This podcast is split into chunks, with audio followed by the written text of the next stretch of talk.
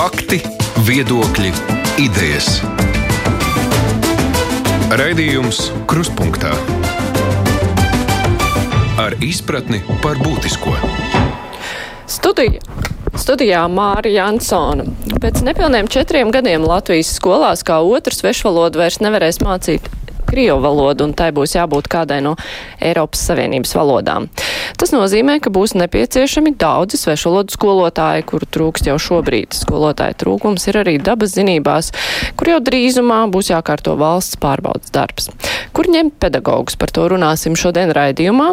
Mūsu studijā ir Latvijas Universitātes pedagoģijas fakultātes prodekāne Zanda Rubene. Labdien! Labdien! Izglītības un zinātnes ministrijas profesionālās un pieaugušo izglītības departamenta direktora vietniece pētniece, pedagogu un pieaugušo izglītības jomā Baiba Bašķera. Labdien! Labdien! Atālināti mums pievienojas Saimnes izglītības kultūras un zinātnes komisijas priekšsēdētāja biedrs Česlavs Bātņa. Labdien! Labdien! Un mūža izglītības un kultūras institūta Vītāja padomas vadītāja AML. Labdien! Labdien. Vispirms jautājums jums nu, par datiem. Kādi, kāda šobrīd ir situācija skolās? Cik daudz māca krievu valodu kā otro valodu, kur būs jāmaina tas?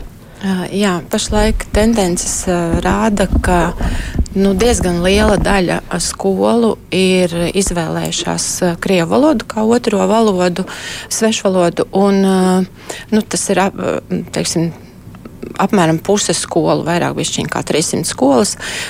Tie, šie dati ir 2021. gada dati, un tad, kad mēs arī nu, konstatējām šādu faktu, mēs veicām arī aptauju, kāpēc. Un kas ir tie iemesli, kādēļ piedāvā tikai vienu svešu valodu, proti, krievu valodu?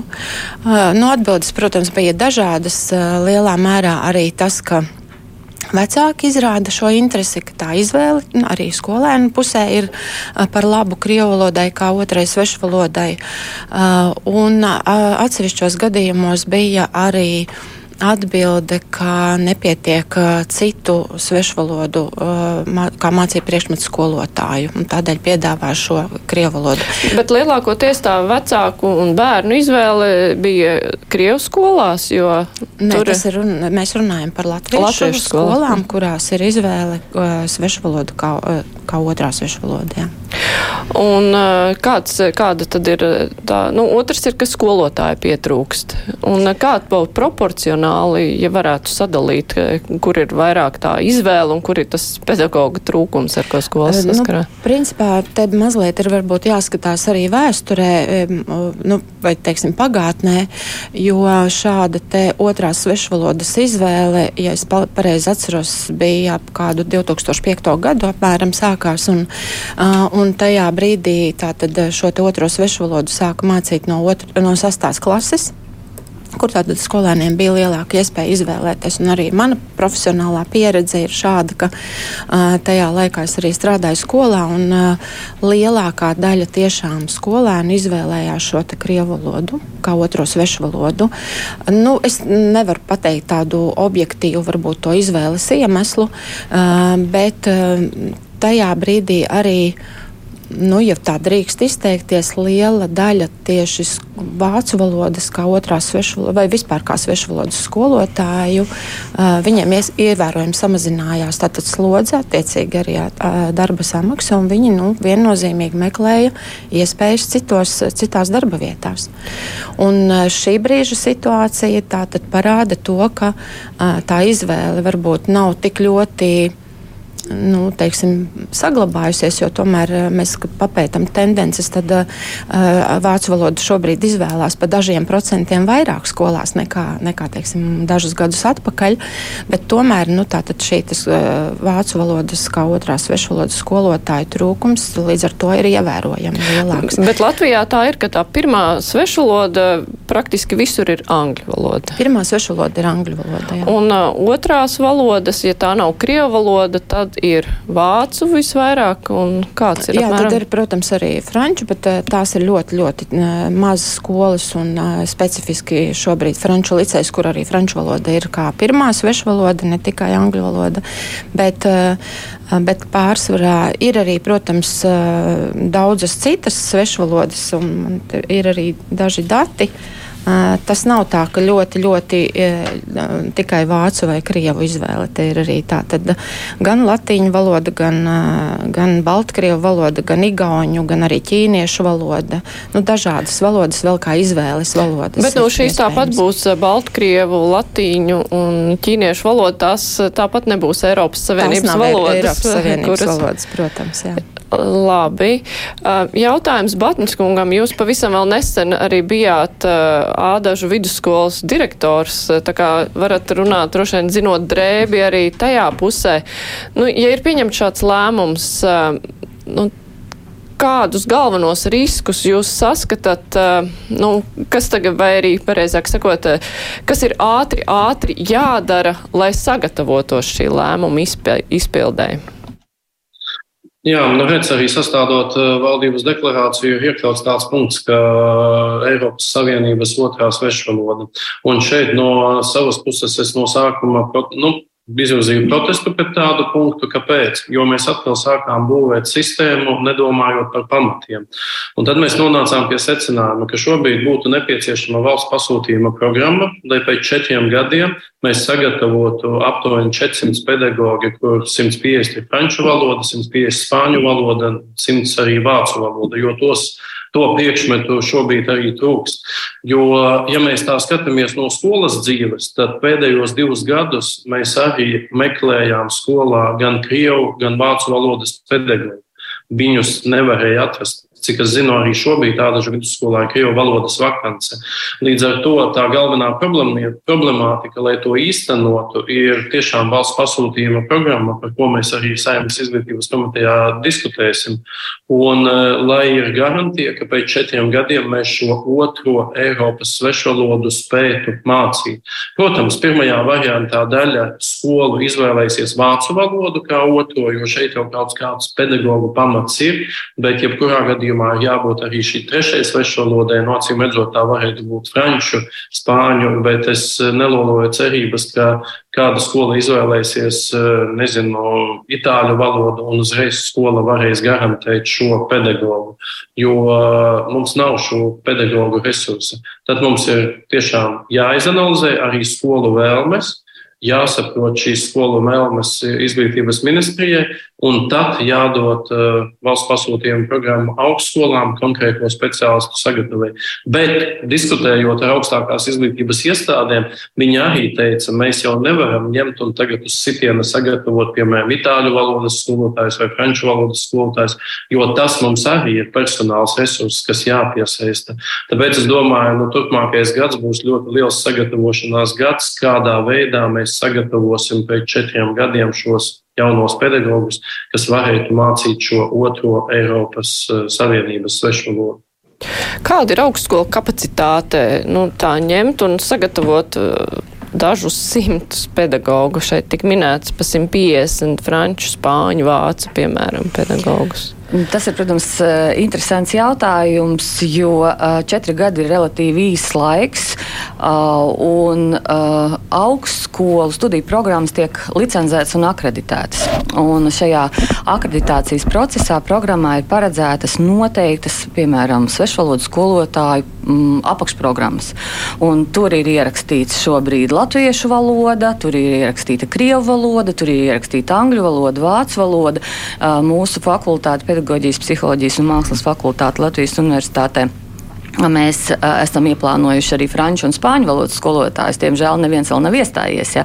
Un arī šogad, uh, un arī iepriekšējos gados vācu valodā uh, bija neviens vai viens students. Ja?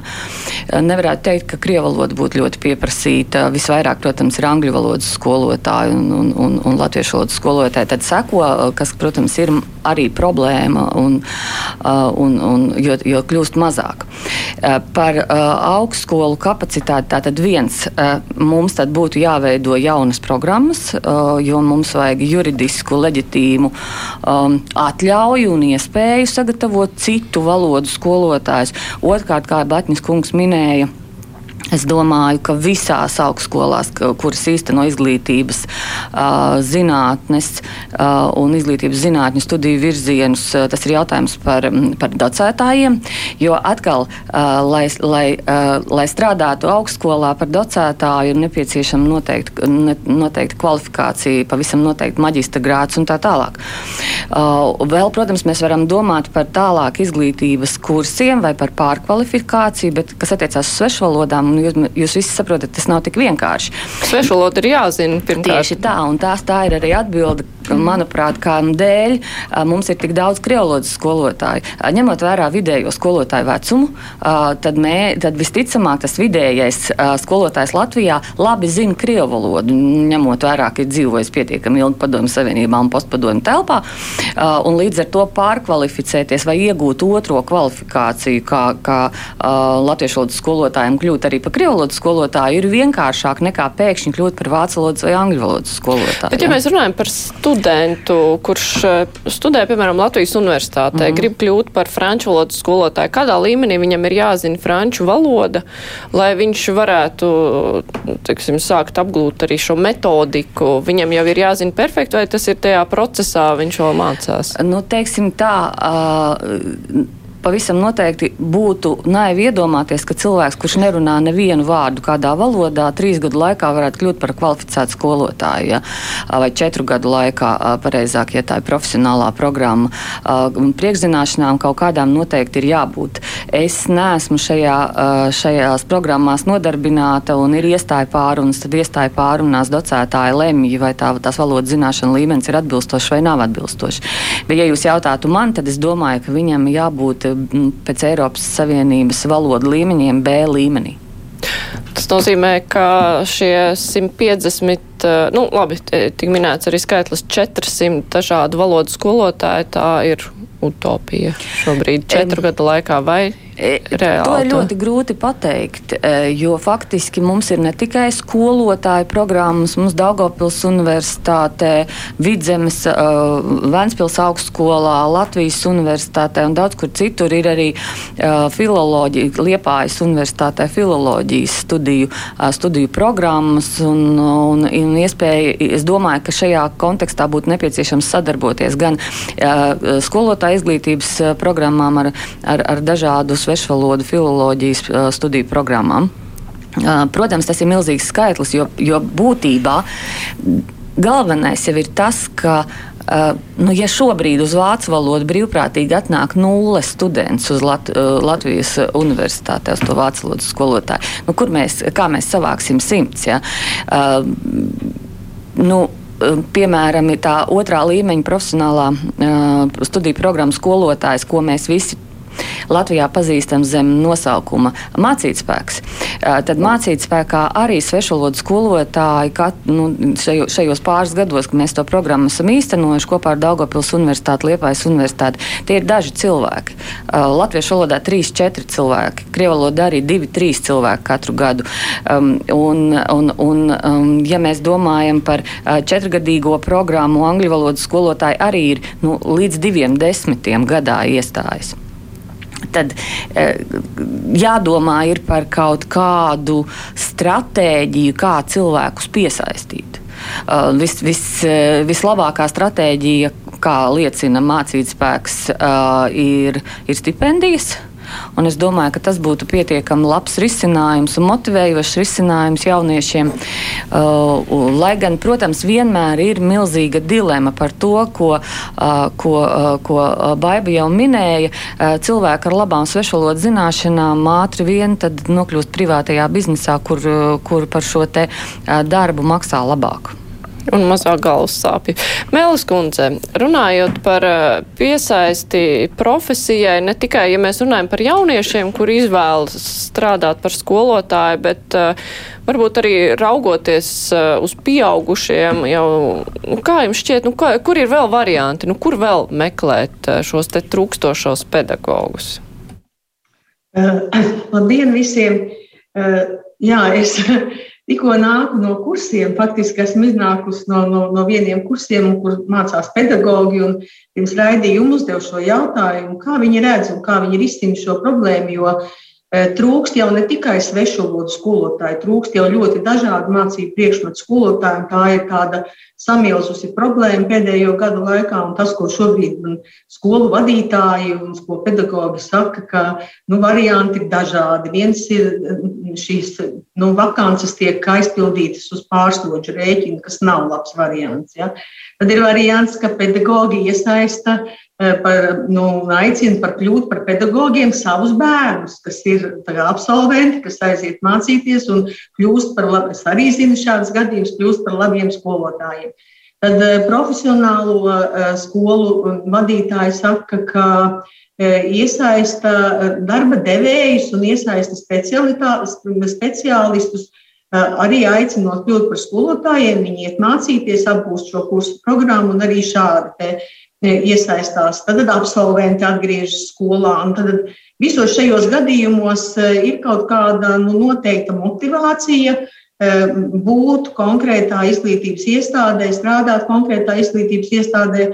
Bet tas, par ko es domāju, klausoties e, jūsos šobrīd raidījumā, ka manuprāt, ir valdības deklarācijā ir jāieliek vēl tāds punkts ne tikai par svešvalodu skolotājiem, bet vispār kā piesaistīt eh, jaunus cilvēkus, studēt un kļūt par pedagogiem. Tas, par ko arī Zanda Rubēna tikko runāja, ka eh, kas būs tā motivācija. Un, manuprāt, nu, stipendija nebūs vienīgā.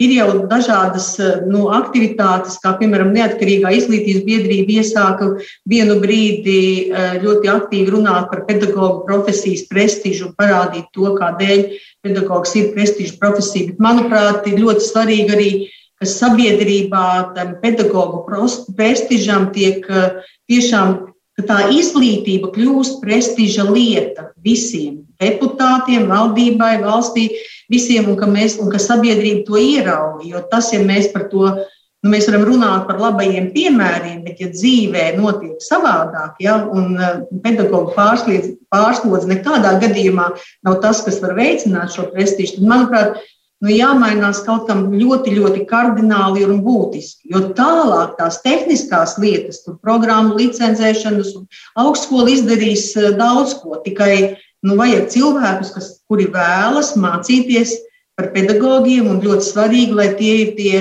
labākie absolventi, ja, lai tie ir tie, kuri eh, nu, tālāk arī var mācīt citus. Tad, kad tika pieņemts šis lēmums atteikties no krievu valodas kā otrās svešvalodas, droši vien, ka parādījās arī kaut kādi, nu, tiksim, plāns, kā rīkoties. Uz ko ministrijā tiek eh, likts eh, uzsvers, nu, teiksim, prioritāšu secībā uz jauniem studentiem, kas pabeigs Latvijas augstskolas, uz pārkvalificēšanos? Kā tas izskatās no jūsu puses? Nu, Principā mēs jau šobrīd, nu, arī, arī visu laiku līdz šim uh, strādājam gan uz to, kā domājam, kā piesaistīt jaunus studentus. Tā, tajā kontekstā arī šī mācīt spēks pieminētā programma. Uh, es arī gribētu teikt, ka mēs šobrīd, uh, mums ir absolūti neizmantots resurs, uh, proti Gētas institūts, kur ir tieši vācu valodas skolotājiem, tieši Latvijā piedāvāt, un arī Franču kultūras institūts, jā, kur ir tiešām pedagoģi pedagogiem jau gatavas programmas ar visiem mācību materiāliem, un kur varētu arī e, potenciāli e, personas iet un, un apmeklēt šādus kursus un kļūt par skolotājiem. Protams, te, te ir tā kā arī jau tika runāts nepieciešamas e, pašas valodas zināšanas. Otra lieta, mēs jau no 14. gada piedāvājam valsts apmaksātu iespēju skolotājiem, esošiem skolotājiem sistēmā, kam arī samazinās varbūt slodze kādu gan skolēnu skaita samazinājumu dēļ, gan citādi. Tātad iegūt papildu kvalifikāciju vai pārkvalificēties par kādu citu priekšmetu skolotāju. Un diezgan raksturīgi, ka, teiksim, svešvalodu skolotāji, īpaši angļu valodas skolotāji vai krievu valodas arī skolotāji izvēlās pārkvalificēties vai iegūt papildu kvalifikāciju kādā nu, citām no svešvalodām, jo, protams, valodas, valodas teiksim, pasniegšanas metodika tomēr ir savstarpēji saistīta. Bet ir jāzina valoda. Treša, jā, pro, jā, protams, nu, tas ir pamat, pamatu pamatā. Un trešā lieta, kas, ko mēs arī praktizējam jau daudzus gadus, proti tātad ārvalstu pedagoģu piesaisti, tātad atzīstam ārvalstīs iegūta diploma autentiskumu un ļaujam šim skolotājiem strādāt Latvijā. Un tie ir pārsvarā arī svešvalodu skolotāji, un tas, ko es varbūt sākumā neminēju, man tā vienkārši sanāca minot tikai ne Eiropas Savienības valodas, bet tie ir arī spāņu valodas skolotāji, ir arī itāļu, ir lietuviešu, igauņu valodas skolotāji. Nu, tiem automātiski tātad Baltijas republikām atzīstam iegūto izglītību, bet, bet arī citas. Un mums ir nu, pieaug šī tendence, ka, ka tā tad arī šie ārzemju skolotāji labprāt brauc uz Latviju strādāt un atzīst savus diplomus šeit. Bet ar ko Droši... var iekārtināt šos? Mums arī pirms tam klausītājs mm. brīvajā mikrofonā zvanīja un teica, ka vajag piesaistīt speciālistus no citām Eiropas Savienības valstīm, un tur uzreiz rakstīja un iebilda, jā, jā, tā jau, un viņi nāks pie tām mūsu algām. Droši vien, ja cilvēks ir atbraucis uz Latviju kaut kādu iemeslu mm. dēļ, un nu, tā, tas ir labs variants strādāt, mm. ja viņš ir pedagogs vēl pie reizes. Bet, nu, teiksim, ar ko iekārtināt? Lai tie cilvēki arī ņem un brauc uz šejienu, varbūt izlēmi braukt, nevis kaut kādu iemeslu dēļ ierodas. Es baidos, ka man tā atbilde, nu tāda tagad ar ko iekārdināt, droši vien nebūs, jo, jo, kā jau es teicu, patiesībā jau nu, pēdējos gados arī pieaug šī, te, šī te prasība pēc atzīšanas, kas liecina, ka tā tad iebrauc ar vien vairāk skolotāju un vēlas šeit strādāt. Bet um, atsaucoties varbūt uz Mēlis kundzes to teikto par skolotāju profesijas prestižu, es gribētu teikt, ka mums ir diezgan varbūt negarš, bet grūts ceļš ejams šajā ziņā, lai mēs tiešām atgrieztu šo skolotāju tādu varēšanas un, un prestiža jautājumu Latvijā, jo mēs daudzus gadus esam runājuši par to, ka skolotājiem ir nu, teiksim, nepietiekams materiāli, nepietiekamas zināšanas, nepietiekams, at, protams, arī atalgojums, kas ir objektīvs, manuprāt komentārs. Tā pašā laikā mēs arī runājam par to, ka mums tomēr ir jāskatās uz daudz kvalitatīvāk izglītotiem skolotājiem, sagatavotiem skolotājiem. Mēs šobrīd esam izstrādājuši arī tādu rīcības plānu, kā mēs strādāsim tuvākos trīs gadus, lai uh, uzlabotu gan skolotāju sagatavošanas jautājumu, gan arī nodrošinātu to pašu atalgojumu jautājumu un arī to, ko Mēlis kundze minēja, šo pārslodzes mazināšanu. Uh, mēs skatāmies gan uz jauno pedagoģu ienākšanu skolā, lai viņi nebūtu pārslogoti un pirmajos gados, darba gados neaiziet prom no skolas. Nu, tas attiecas ne tikai uz svešvalodu skolotājiem, bet uz visiem citiem. Un tas, kas manuprāt šobrīd diezgan labi strādā, lai piesaistītu arī e, īpaši profesionālajā izglītībā, jo tur tāpat arī skolotāji ļoti trūkst, tātad e, ieraudzīt potenciāli labos, nu, tos jauniešus, kam tiešām interesē priekšmets un kas varētu strādāt, viņus uzrunāt. Un kas vēl labāks uzrunātājs kā skolas sko, skolotāji, kas ir autoritāte šiem jauniešiem. Bet ko jūs domājāt? Ar sagatavotības uzlabošanu, kurā tad posmā klibo tā sagatavotība? Mm, tātad es domāju par to, ka mēs esam šobrīd jau ļoti daudz sadarbībā ar Latvijas augstskolām, kas īsteno pedagoģijas studiju programmas, strādājuši pie jaunu programmu izstrādes un izveides, pie jaunas sistēmas. Mēs arī vēlamies, lai šie te visi pedagoģi, ne tikai svešvalodu skolotāji, būtu sagatavoti um, atbilstoši tam, ko prasa varbūt jaunās jaunā gan kompetenci pieeja, gan, gan arī vispār 21. gadsimta jauninājumi, gan, gan digitālās prasmes, gan arī citas prasmes. Un maksimāli tātad gan atbalstīt esošos skolotājus, kas ir sistēmā ar dažādu profesionālās pilnveides vai kompetenci pilnveides piedāvājumu, un arī, arī ar to, lai šīs augstskolu programmas um, nu, sagatavotu jauniešus, jaunos pedagogus tā, lai viņi atnāk atnākot uz skolu, būtu gatavi strādāt. Rubens Kungs un pēc tam Batnis Kungs. Es gribēju divus komentārus pie Bašķers kundzes teiktā. Viens uh, jauninājums, uh, kas uh, acīm redzot sāksies 2024. gadā, ir tā saucamais indukcijas gads visiem jauno uh, skolotāju programmu absolventiem. Un indukcijas gads uh, ir gan atbalsts skolotājiem jaunajiem skolās, uh, gan, uh, gan iespējams, uh, iespēja sadarboties ar universitātēm un skolām.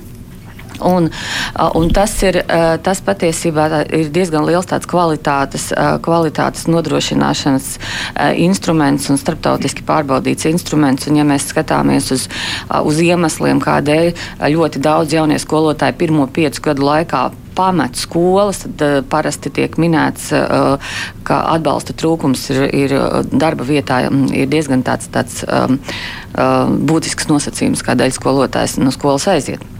Bet eh, runājot par skolotāju prestižu, eh, es domāju, ka mums patiešām valsts līmenī, atkal skatoties uz citu valstu pieredzi, eh, varbūt nav labais tonis nemitīgi atsaukties uz citām valstīm, bet mūsu skolotājs nu, šobrīd liksimies mierā, vai viņš ir pietiekami labs vai nav pietiekami labs, bet ir diezgan sociāli neaizsargāts. Un šeit es domāju nevis par pabalstiem, bet par atzīšanu sabiedrībā filozofs Artis Svece reiz teica, ka vecāki un skolēni un studenti uztver skolotāju un docētāju kā pakalpojumu sniedzēju, kas viņš, kas viņš nav.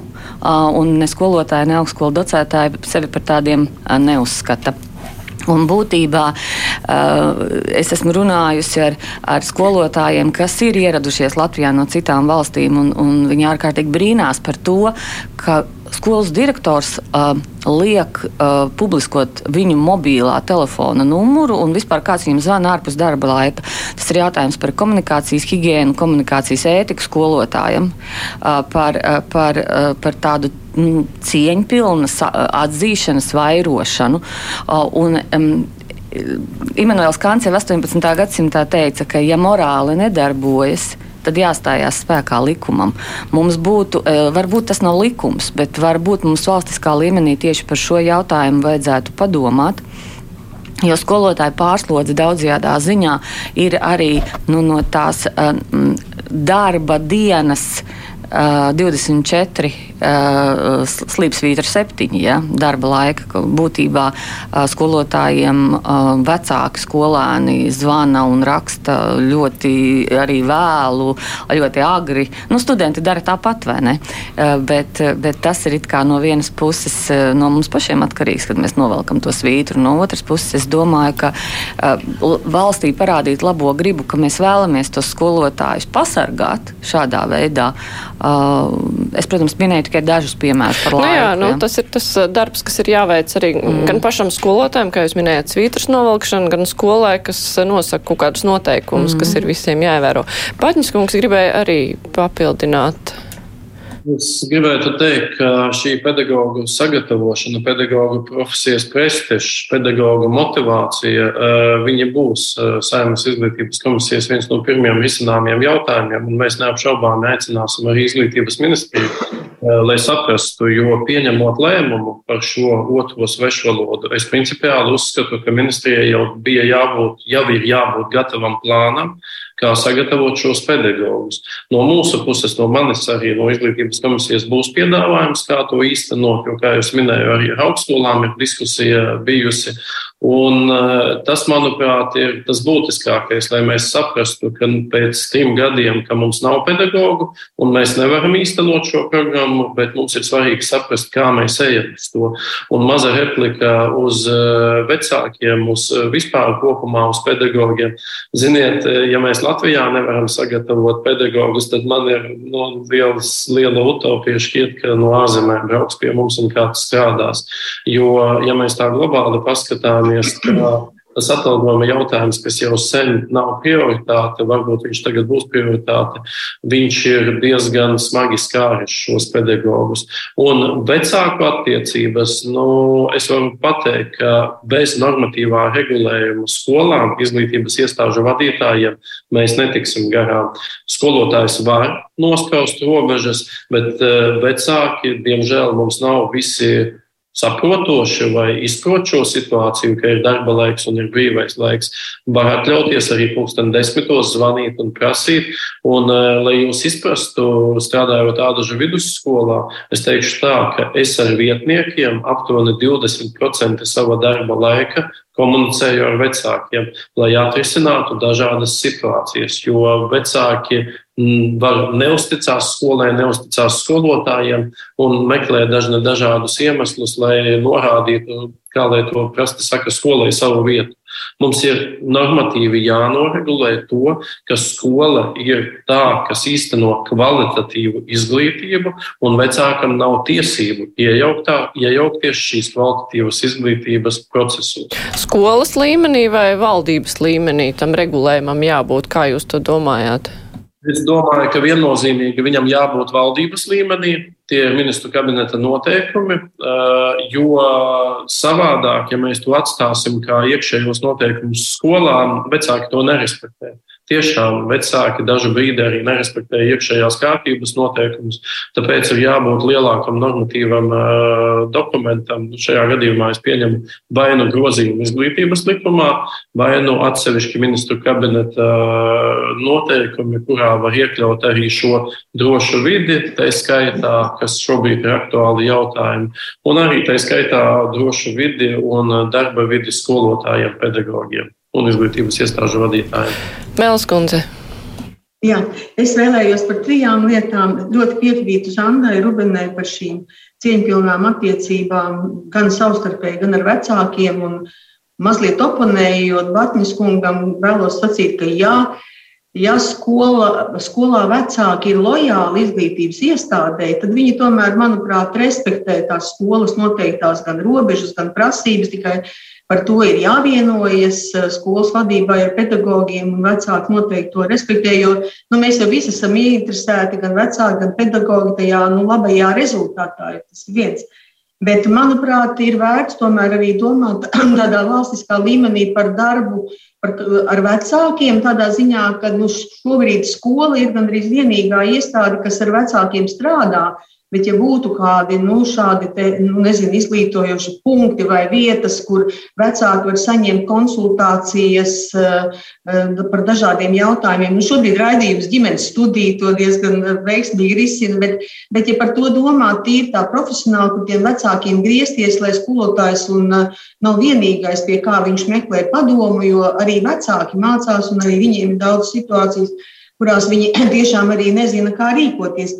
Bet vēl es gribēju par divām lietām pie reizes, ka, manuprāt, ir jādomā, lai celtu šo nu, profesijas prestižu. Un, manuprāt, ir ļoti jādomā par, to, nu, par tādām pārdomātām reformām, ilglaicīgām, lai tas pedagogs netiek raustīts. Nu, šobrīd nu, pats tāds karstākais varbūt ir šis, šī kompetenci pieeja, par kuru Nu, pat nesen mēs dzirdējām, ka ministre publiski atzina, ka šis ieviešanas plāns ir bijis neveiksmīgs, un mēs, mēs sākām ne no tā gala, bet pa tos laiku mēs jau esam pazaudējuši diezgan nu, pietiekami daudz labus skolotājus, kuri neizprotot šo reformu. Nu, Un, un kuriem šī ieviešanas gaita nav pieņemama. Viņi saka, nu, es labāk, man ir pensijas laiks, vai pirms izdienas pensija, un es, es, es dodos prom, ja, jo es to visu to jāsaka negribu piedzīvot. Otra lieta, ka e, plānojot kaut kādas reformas, nu, piemēram, nosakot, ka latviešu valodā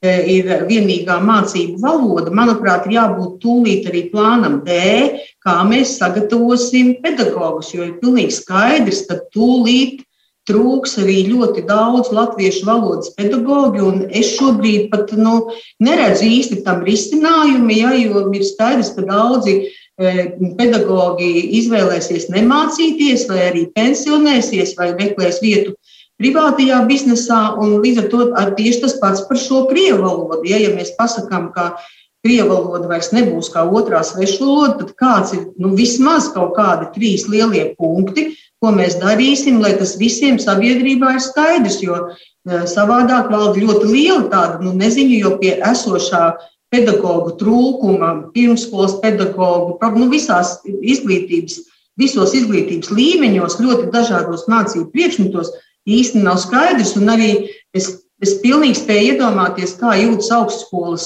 pasniedzēji, ja, ja, ja, ja, ko tad viņi mācīs, kā tas process viss tiks virzīts valstiskā līmenī. Jā, es atgādināšu klausītājiem, vēlāk Latvijas televīzijas skatītājiem arī, ka šodien kopā ar mums Latvijas universitāte pārstāv uh, pedagoģijas fakultātes prodekāne Zanda Rūbēne, izglītības un zinātnes ministriju, Baiba Bašķere no profesionālās un pieaugušo izglītības departamenta. Saimnes izglītības, kultūras un zinātnes komisija tās priekšsēdētāja biedrs Česlaus Bātņa un AML ir no mūža izglītības un kultūras institūta Vitāja padomas vadītāja. Mēs tūlīt turpināsim. Raidījums Krustpunktā. Jā, nu rezumējot iepriekš dzirdēto, te klausītājs ir tā ļoti īsi uzrakstījis, ko var muldēt, ka pasniedzēji nav pilns ar dažādiem valodu kursiem, lai ir normāls algas piesoli un būs pilns ar gribētājiem. Tas tā ļoti vienkāršot ir pateikts, bet, eh, nu, principā tas, ko minēja Rubens kundze par eh, šo prestižu un to, lai skolotājs jūtas sociāli aizsargāts, eh, nevis pabalstu līmenī, bet tieši attieksmes līmenī, kas arī saistās ar visu prestižu, nu, un plus alga. Tas ir tie, ir tie nu, galvenie virzītāji spēki, kas varētu piesaistīt eh, pedagogus, kur jau ir gatavi pedagogi, kur varbūt ir aizgājuši no nozares. Nu, tad tas varētu būt tas ātrākais risinājums, atrisināt šo, un tad jau būs arī pedagogi.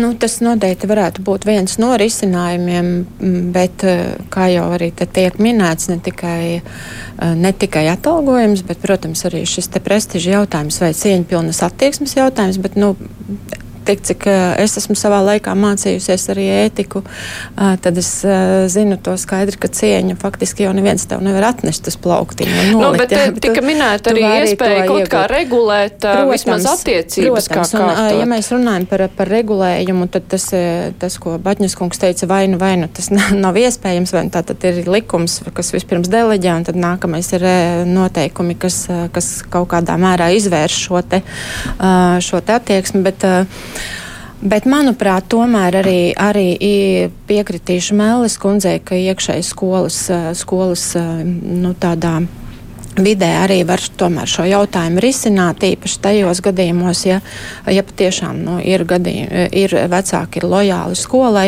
kas, manuprāt, lielākajā daļā tomēr vecāku eh, tā ir un skolu. Eh, bet, bet viennozīmīgi viens no tādiem risinājumiem, kā domāt, eh, kā domāt par to, lai mēs nodrošinātu ar skolotājiem, ir atgriezt atpakaļ sistēmā tos, kas no sistēmas ir aizgājuši, un varbūt arī atsausoties uz repliku nu, šajā te um, nu, e-pasta ziņojumā, ka, protams, ka ir ļoti daudz skolotāju, kuri šobrīd strādā gan privāti praksēs, gan, gan kādā citā, citā jomā, uh, jo sevi vairs skolā nu, nav, nav atraduši vai, vai, vai nav īstenojuši vai pilnveidojuši. Tad tas ir, tas ir tas, par ko mums ir jādomā. Un neapšaubāmi tas ir atalgojuma jautājums un arī pārslodzes un slodzes jautājums. Bet atal, labi, prestižs tas ir kaut kas, kas eh, mainās laika gaitā. Atalgojums. Uh, un slodzes, to var it kā, nu, tas ir tehniska lieta, to teorētiski var ātrāk izdarīt, protams, ja ir nauda. Mm -hmm kaut kas uz to vedina, ka būs nauda tieši šiem skolotājiem? Tieši jūs domājat, svešvalodu skolotājiem? Jā. Nē, mēs runājam par skolotājiem. Ja mēs runājam par, teiksim, atalgojumu sistēmu, tad mēs runājam par visiem skolotājiem kopumā. Mēs neizdalām kādu īpašu, teiksim, skolotāju. To var izdarīt tikai atsevišķu skolu, jo mēs jau redzējām, kā tika piesaistīti eksakto zinātņu skolotāji dažās skolās ar milzīgu algu piesolot par ko daži citi Jā, bet tas ir atka, jebkurā gadījumā tas ir valsts budžeta finansējums, nauda seko skolēnam, tātad uz skolu. Šobrīd tā, tas, tā jaunā pieeja ir, kas sekos uz pašvaldību, tātad arī pašvaldībai būs tiesības konkrētāk vai, vai kvalitatīvāk lemt par gan cilvēku resursu piesaisti ne tikai vienā konkrētā skolā, bet visā, visā pašvaldībā kopumā, skatīties un sniegt atbalstu arī skolu direktoriem šādu cilvēku resursu piesaistē. nu, man grūti ir pateikt, kā, kā šis jaunais, šī jaunā pieeja varbūt īstenosies un cik tā būs kvalitatīva. Droši vien par to mēs varēsim spriest tad, kad viņa būs ieviesta un kādu brīdi jau, jau eksistēs. Bet jebkurā gadījumā par to, ka skolotāja atalgojumam ir jābūt uh, nu, adekvātam un, un, un teiksim, tādam, kas ir sabiedrībā uh, pieņemams, tas ir, tas ir viens. Ja es nemaldos, tad valdības deklarācijas projektā šobrīd arī tas ir paredzēts, un tur, tur pie tā arī ministrija strādā. Uh, jebkurā gadījumā kvalitatīvi izglītots, savā profesijā brīvs un labi atalgots pedagogs ir tas, kas, kas būs noteikti šis te prestiža risinājums. Bātņas kungs gribēja ko teikt. Jūs nevarat dzirdēt, jums ir izslēgts mikrofons. Jā, paldies, atvainojos. Nē, es gribēju piebilst, ka, teiksim, ja mēs runājam par pedagogiem, tad eh, tā nav arī algas jautājums šobrīd problēma. Eh, Ādažu vidusskolā šobrīd alga ir tieši tāda, kā panāca streika prasībās. Respektīvi, viņai ir vidējā alga plus tie 20%. Tātad mūsu skolotāji jau šobrīd saņem tādu algu, bet joprojām mēs nevaram piesaistīt ne angļu valodas, ne ķīmijas, ne krievu valodas, ne latviešu valodas, ne sākumskolas pedagogus, kur nu runājot par pirmsskolu, uh, respektīvi nevarējam. Un arī šobrīd tāda situācija ir Rādažu vidusskolā. Tāpēc es teikšu tā, ka atgriezt skolotājus atpakaļ skolā būs diezgan sarežģīti, jo arī manā praksē tie skolotāji, kas ir aizgājuši prom no darba, no skolas, nevēlas atgriezties. Viņi izbauda to mirkli, ka viņiem nav jābūt klasē ar 30 bērniem, viņiem nav jāstrādā līdz naktas stundām, nav jāgatavo materiāli, jo materiāli nav sagatavoti. Tāpēc es domāju, tā motivācijas sistēmai jābūt pilnīgi savādākai. Un šeit par to, ko mēs diskutēsim, tā noteikti būs stipendija, tā noteikti būs vienošanās par budžeta vietām un ar atrunu, ka piecus gadus viņa vismaz, ja mēs ieguldam cilvēku resursos, tad piecus gadus viņam jāstrādā šajā profesijā, jo šobrīd pedagogs var izvēlēties aiziet prom. Un ir daudz un dažādu nianšu, kā mēs varam to sagatavot. Bet viennozīmīgi eh, neceļot strauji, vēl straujāk atalgojumu, kā tas ir šobrīd panākts, un nenodrošināt tādu motivācijas programmu, veselības apdrošināšana, galu galā sabiedriskā transporta atlaides un vēl dažādas nianses, mēs neatradīsim šos tūkstošos pedagogus, kas šobrīd ir, un neatradīsim tos nākamos pedagogus. Mums jāparāda, ka mēs kā valsts cienam savus pedagogus, un mēs kā valsts nodrošinam viņam ļoti labus apstākļus. Es teiktu pat vairāk, ka ir četras profesijas, kas ir jābūt ļoti prestižām Latvijā. Tā ir veselības darbinieki, tie ir izglītības darbinieki, tās ir iekšlietas un tā ir aizsardzība. Neno, nenoniecinot visas pārējās profesijas, bez šīm četrām profesijām šobrīd Latvijā ir diezgan, diezgan kritiska situācija. Rubens kundze un pēc tam Mēls kundze. Um, Man ļoti patika Batņas kunga uh, doma par šiem pieciem gadiem, uh, kuri, kuri jānostrādā, ja tu esi saņēmis budžeta vietu. Uh, mums tikai ir jādomā par to, ka, ja jūs ieskatītos Latvijas Universitātes pedagoģijas psiholoģijas mākslas fakultātes mājaslapā, tur ir vakanču saraksts. Mūsu studenti sāk strādāt jau pirmajā semestrī. Uh, cieši studiju procesu loģiski, jo viņi nevar pilnībā teikt, veltīt sevi studijām, un, un tad te arī jādomā par to, par to kas. Nu, kā, kāda tā studiju kvalitāte beigās ir konkrētajam cilvēkam, kurš, kurš jau pietiekami liels slodzi strādā skolā un tad arī mācās. Bet būtu jāsaprot, no kura brīža ir šie pieci gadi vai no absolvēšanas brīža, vai no tā brīža, kad viņš reāli sāk strādāt skolā. Ja, ja, ja būs no reāli no tā brīža, kad cilvēks sāk strādāt skolā, tad faktiski pabeidzot studijas, viņš vēl vienu gadu varēs nostrādāt un tad pacelt cepuri. Ja?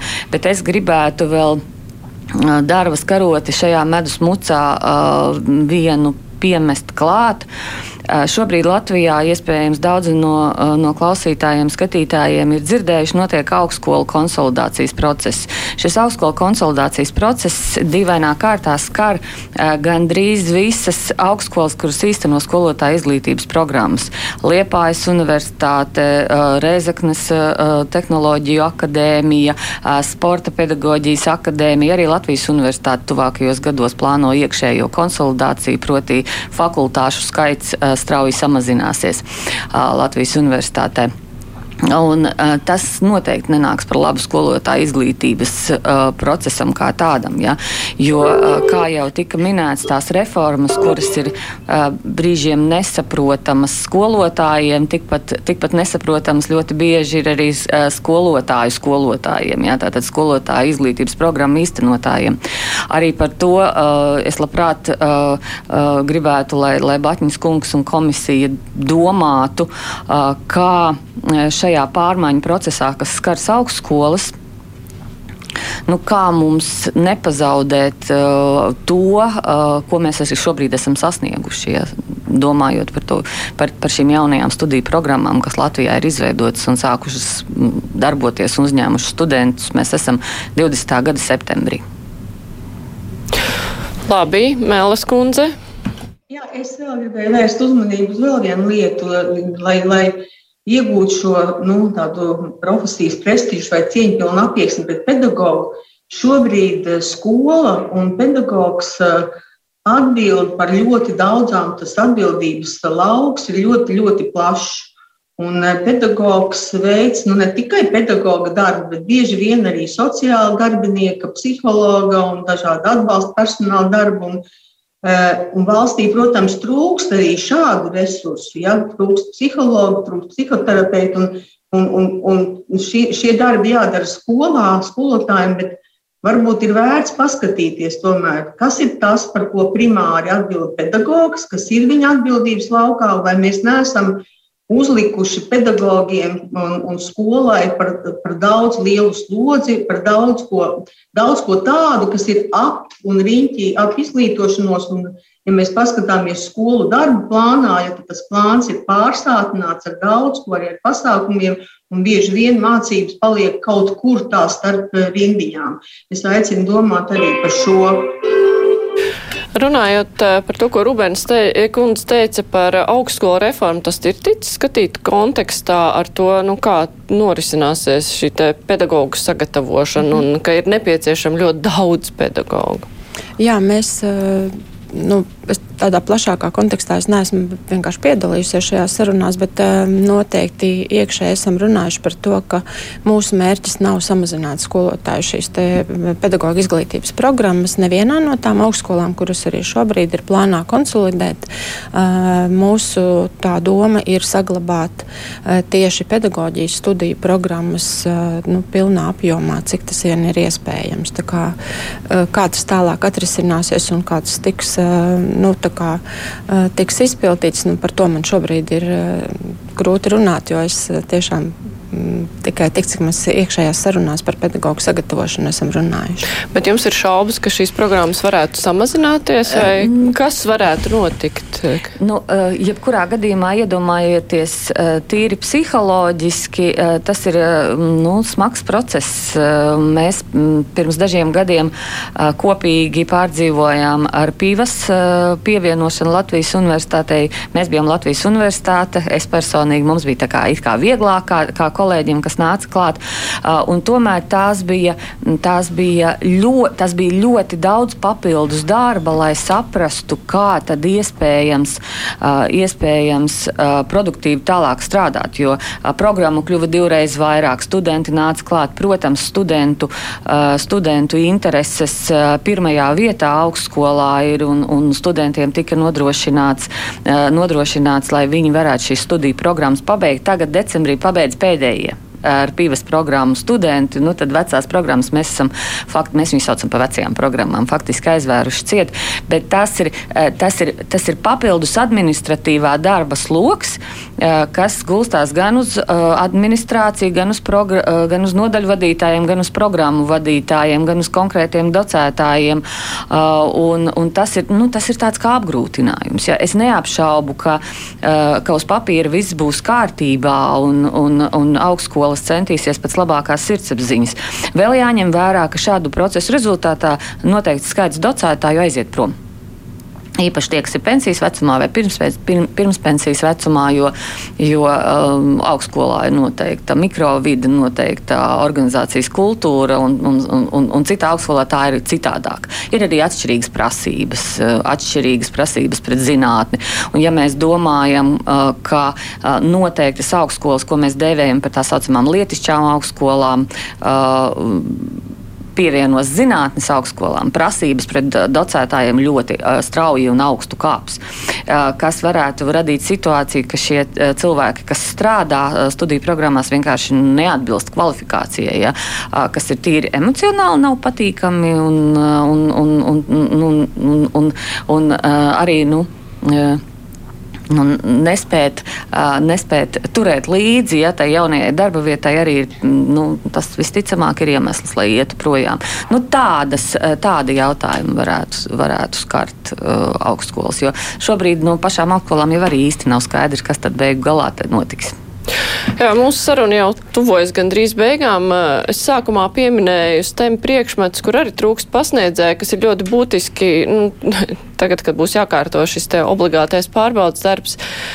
Vai tur pedagoģu nodrošināšana norit pēc tā paša principa, kā tagad mēs runājam par svešvalodu skolotājiem? Nu, teiksim, tie varianti ir tādi paši, nekas cits jau nebūs sagatavošana un uh, papildu kvalifikācija. Jā, mēs tieši pirms raidījuma arī paskaitīju, ka papildu kvalifikācijā STEM priekšmetu skolotājiem mēs esam šo gadu laikā apmēram pāri par 500 skolotājus nu, izglītojuši vai piešķīruši šo pašu papildu kvalifikāciju. Um, Tiesa mums nav šobrīd datu, cik viņi tiek izmantoti skolās eh, un tiešām māca šos priekšmetus. To mēs varam arī eh, nu, pasakot līdzi, cik efektīvi ir bijusi šī mūsu papildu kvalifikācijas piešķiršanas iespēja. Eh, bet, bet mēs zinām, ka, ka tādas, tādas iespējas ir bijušas un skolotāji arī, protams, to ir izmantojuši. Un pēdējos gadus mēs tieši šogad un pagājušajā gadā jau skatāmies arī uz to, kā iedot skolotājiem nu, atbalstu atbalstu, pilnveidot sevi, lai strādātu ar tieši padziļinātajiem kursiem, kas, būs, kas, ir, kas ir vidusskolas posmā. Un, tā kā jā, šādas, šādas, šāds piedāvājums mazāk, protams, uz šiem STEM priekšmetiem uh, ir tie pretendenti, kas nāk no ārzemēm, no ārvalstīm, kas iebrauc. Tie tomēr vairāk ir valodu skolotāji.